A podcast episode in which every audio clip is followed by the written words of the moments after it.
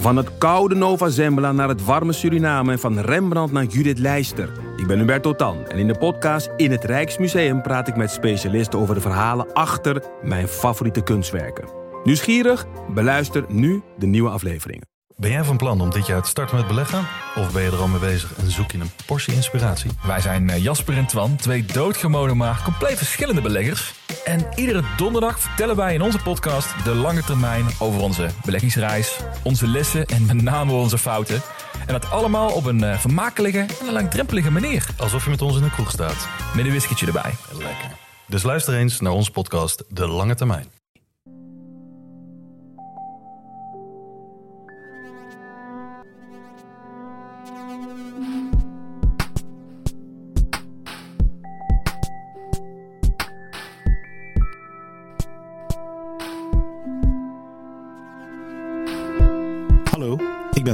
Relaas.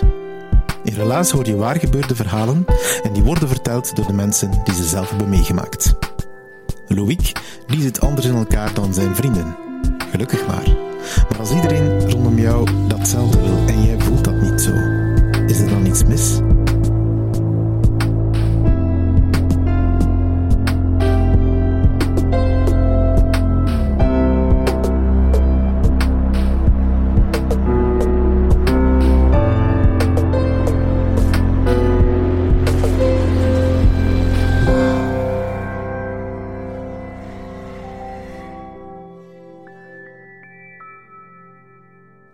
Beeld u even in. Je bent terug 22 jaar. Ehm je net afgestudeerd en uw vriend of uw vriendin is ook net afgestudeerd. Je hebt alle twee nog geen zin om te beginnen werken. Ehm, je hebt ook nog geen kinderen of iets anders dat je hier kan houden.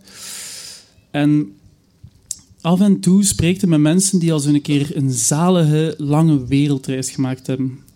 En iedere keer denkt je, dat is moeten we echt ook doen. Dat is echt iets voor ons. En je denkt, nu is het moment, nu gaan we dat doen. Zo zijn mijn vriendin en ik dus in 2013 voor zes maanden in Zuidoost-Azië beland. En we hadden eigenlijk een simpel plan. We gingen gewoon rondreizen van plaats naar plaats. En overal waar we kwamen, gingen we zoeken naar een jobje als vrijwilliger. En dat is ons ook gelukt. Na ongeveer vier maanden reizen eh, zijn we beland in een weeshuis in Bali. In dat weeshuis zijn we echt zeer gelukkig geweest. Maar in die, die vier maanden die daaraan vooraf gingen, die zijn niet helemaal zo gelopen gelijk of dat wij ons dat hadden voorgesteld, of zoals dat anderen ons dat beschreven hadden. Want als je zo rondreist van plaats naar plaats en je doet dat aan een hoog tempo, ja, dan moet je wel kunnen omgaan met wat stress en wat gedoe. Ehm, ja, soms zijn je ziek of je wordt keihard in het zak gezet waar dat je bij staat, wat zeer frustrerend is.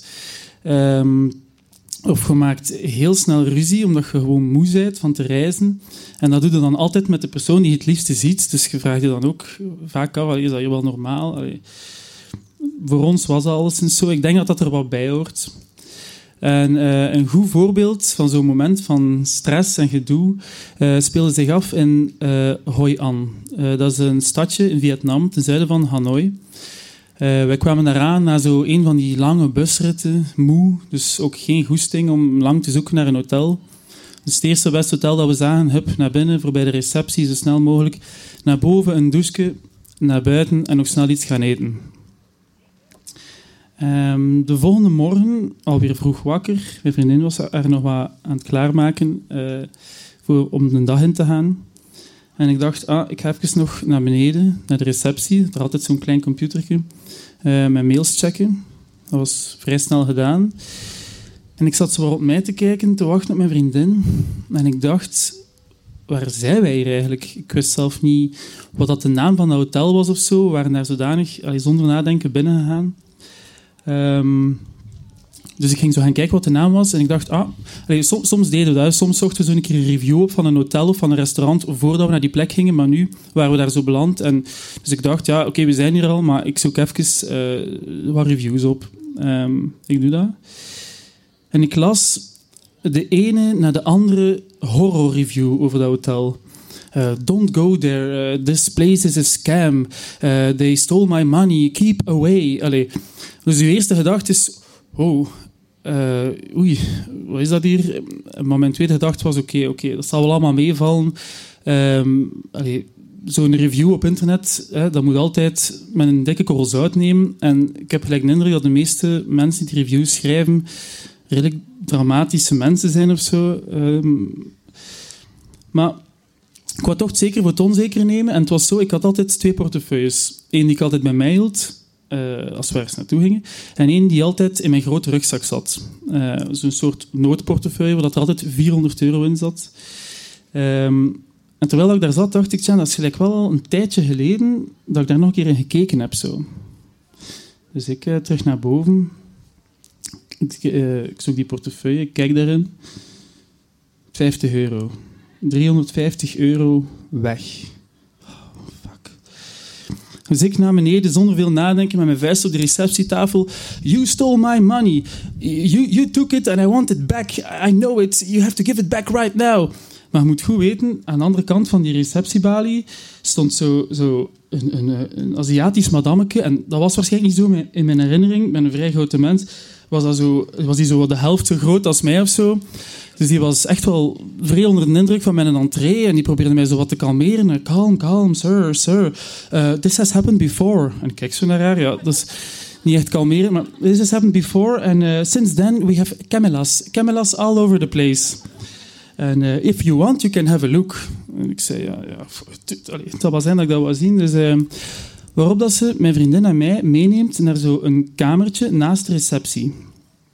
Maar dat was niet echt een kamertje, het was eerder een grote kast of zo. Zo'n zo soort mini-berging, zo met schabben van de grond tot plafond, volgestouwd met materiaal en grief en rommel. Zo heel donker en klein. En daarin werden mijn vriendin en ik elk op een krukje gezet, met zo'n oude kleine beeldbuis voor ons. En daarop mochten wij van haar de beelden herbekijken van zo, uh, de gang, waar je ook zo onze hotelkamer op kon zien. Dus ik dacht, oké, als het hier gebeurd is, dan kan ik dat hiermee uitsluiten of bevestigen. Dus wij kijken daarnaar. Ik spoel direct terug naar de avond daarvoor, naar het uur dat wij iets gaan eten waren. Uh, ah ja, je, ziet de normale dingen, hè, waar mensen komen, waar mensen gaan. Het licht gaat een keer uit, het licht gaat een keer aan. Je ziet de poetsvrouw de vloer poetsen. De, de poetsvrouw gaat onder de camera. En plots wordt er een handdoek over de camera hangen. En ik denk, yes, dat is, dat is mijn bewijs. Kijk, kijk, kijk, kijk. Ze hangt een handdoek over de camera. Dat is, dat is, dat, is, het is hier gebeurd. Yes, dus ik terug naar die receptie. Ik toon dat aan die receptioniste. Ze ziet die beelden en zegt, Oh, zegt ze. I, I call my boss. Een beetje later. Die bazin komt toe. Geen gewone bazin. Die vrouw, die was, ten opzichte van die receptioniste, viel daar nog extra op, een zeer grote, breedgeschouderde, struise Aziatische vrouw, zoals dat je er daar niet zoveel ziet rondlopen in Azië. En met zo van die ogen die echt recht door mij heen keken. Maar allee, echt zo een jagende verschijning. Maar op dat moment, ik wou mijn held gewoon terug. Um, dus ik deed mijn verhalen naar. Zij ziet die beelden. Ze zei eigenlijk niet echt veel. En uh, ze zei alleen maar dat ze op haar beurt ook naar de poetsvrouw ging bellen. Oké, weer een beetje later. Die poetsvrouw komt binnen. Maar ook weer al niet zomaar een poetsvrouw. Die poetsvrouw kwam daar binnen met haar kind van één of twee op haar arm. Ik dacht... Ja, my god. Om het allemaal zo nog wat extra dramatisch te maken... Um, die bazin die zei niets. Die wees gewoon naar de deur van die kast. Als in van, maak daar binnen uit. Uh, die poetsvrouw, beetje nog een indruk. Oké, naar binnen in die kast, maar kind, die bazin daarachter. Ik en mijn vriendin en die, die receptioniste zo naar elkaar te kijken. Nou ja, wij ook maar naar binnen. Dus mensen met vijf volwassenen en een kind, allemaal samen zo naast elkaar in die kast. Die bazin die zei nog altijd niets. Die duwde op play zodat die, zodat die poetsvrouw die beelden zag. Waarop dat ze begint te roepen.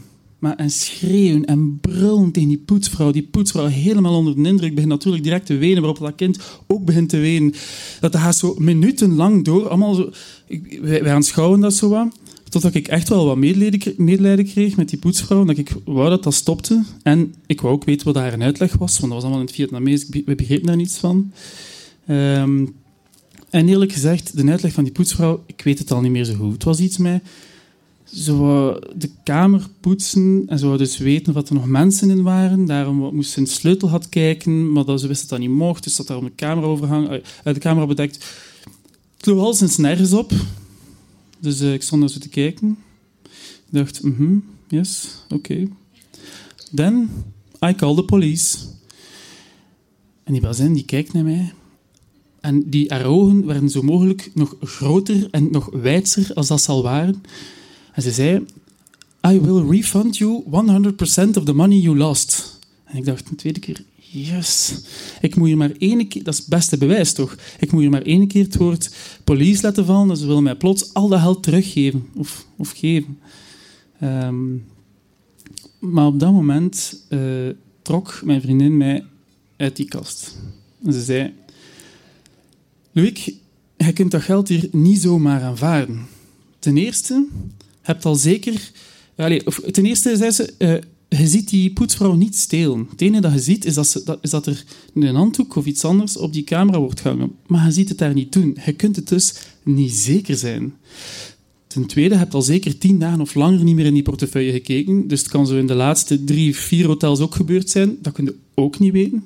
En ten derde, of het ergst van al, als jij hier en nu dat geld gaat aanvaarden, dan bevestigde hij je beschuldiging ten opzichte van de poetsvrouw. En dan is hij sowieso haar een job verloren. Misschien ten onrechte. En dat kunnen niet maken. Ik dacht, ja, ze heeft weer gelijk. Zat een goed punt, zat er zelfs drie. Um, maar die bazin had mij juist dat geld aangeboden. En ik wou dat, dat is confronterend voor mijzelf, want het ging gewoon over geld. En ik wou dat gelijk liever terug, want die poetsvrouw werd op. Maar ik wou dat echt niet zomaar afslaan, dat aanbod. Ah, dus ik draaide mij terug, terug in die kast, waar die nog altijd stonden. Uh, en ik zei tegen die bazin, excuse me, but um, is it possible that I think one night about it? die bazin die bekijkt mij zo voor de tweede keer, gelijk als een spook zie. Think one night about it? Die begreep natuurlijk helemaal niets van. Die had mij juist een bedrag aangeboden, meer dan een zeer goed maandloon in Vietnam. En, en ik moet er nog een keer een nachtje over, over slapen, om erover na te denken dat ik het wel wil aannemen. Uh, maar we hebben dat dus gedaan en al discuterend en ruzie makend, wij terug naar onze kamer. Maar dat, we raakten er niet uit. Ik wou dat geld terug. Mijn vriendin zei dat dat echt not was. Dus ik wou een derde opinie. En ik weet nog goed, ik dacht, mijn pa. Ik belde mijn pa via Skype, maar het was zo een van die, je kent dat wel allemaal, zeer vervelende uh, Skype-gesprekken dat maar niet willen lukken. Als, als, als jij iets zegt, zegt hij net iets en omgekeerd. En, en uh, je zit heel door elkaar te praten. En ik zei, wat zei ik? nog een keer herhalen. Allee, uiteindelijk is me dat dan toch gelukt. Um, ben erin geslaagd om dat verhaal uit te leggen aan mijn pa. En ik weet nog hoe ze tussen... Want zijn antwoord verstond ik al helemaal niet. Hè. Wat zei hij? Sorry, ik kan nog een keer herhalen, begrijp het niet. Maar dan ze tussen dat geruis en dat gekraak door ook zo mijn vader zeggen... Geld nemen en wegwezen. dus, dus, dus ja, nu, nu kan ik er ook wel om lachen, maar op het moment zelf heeft mij natuurlijk niet geholpen. Mijn vriendin zei A, mijn pa zei B. En dan, wat, moet, wat moet ik nu doen? Ja, dus, ja.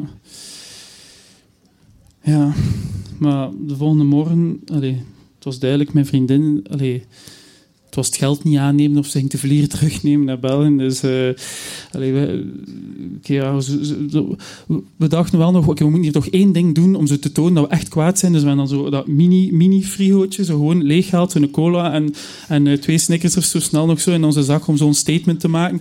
En dan zo kwaad mogelijk kijken voorbij de receptie zo. En vlak voordat we uit die deur willen stappen, roept die receptionisten ons nog één keer terug. Excuse me, excuse me, zei ze. We draaien ons zo om. Just so you know, the cleaning lady, she no work here anymore. Ik zeg, dat is niet waar, man. Daar stond ik dan dus. Ik, zonder mijn geld, die poetsvrouw, zonder haar job. Dus dat is zo'n beetje wat ik mijn verhaal mee begonnen ben. Ik denk dat je daar echt een beetje moet tegen kunnen als je zo rondreist zo tegen, uh, tegen wat stress en wat gedoe en dat je daar wat veerkracht in moet hebben.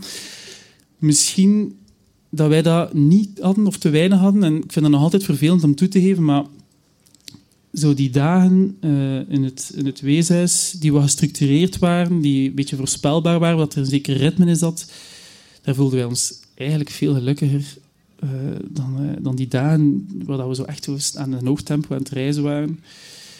Um, en ja, misschien waren we toch niet die echte reizigers die dat we zo graag wouden zijn of dachten te zijn. Maar ik weet nog goed, de avond dat we uiteindelijk na die zes maanden terug thuis kwamen in ons appartementje hier in Gent. Uh, de deur achter ons dicht en zo de, geur van onze, van onze eigen living opsnoven, dan, dan waren we eigenlijk gewoon doodblij. Merci.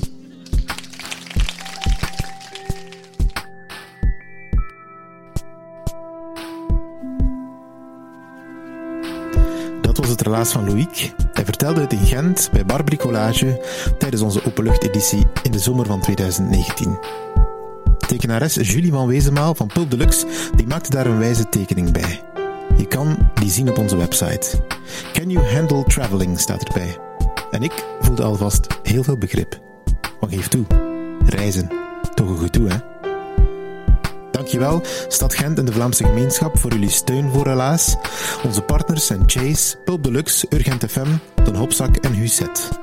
Helaas is een groep vrijwilligers die deze vertelavonden organiseert en de podcast week na week voor jou maakt. Een van die vrijwilligers is Evita.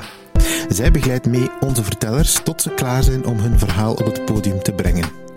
En als dat nog niet genoeg is, ze staat ook in voor de opnames op de vertelavonden in Antwerpen. En ze geeft ook live storytelling opleidingen, samen voor Laas. Dankjewel voor zoveel enthousiasme, Evita. En ook jij kan ons helpen. Stuur dit verhaal door aan iemand aan wie je moest denken toen je het hoorde.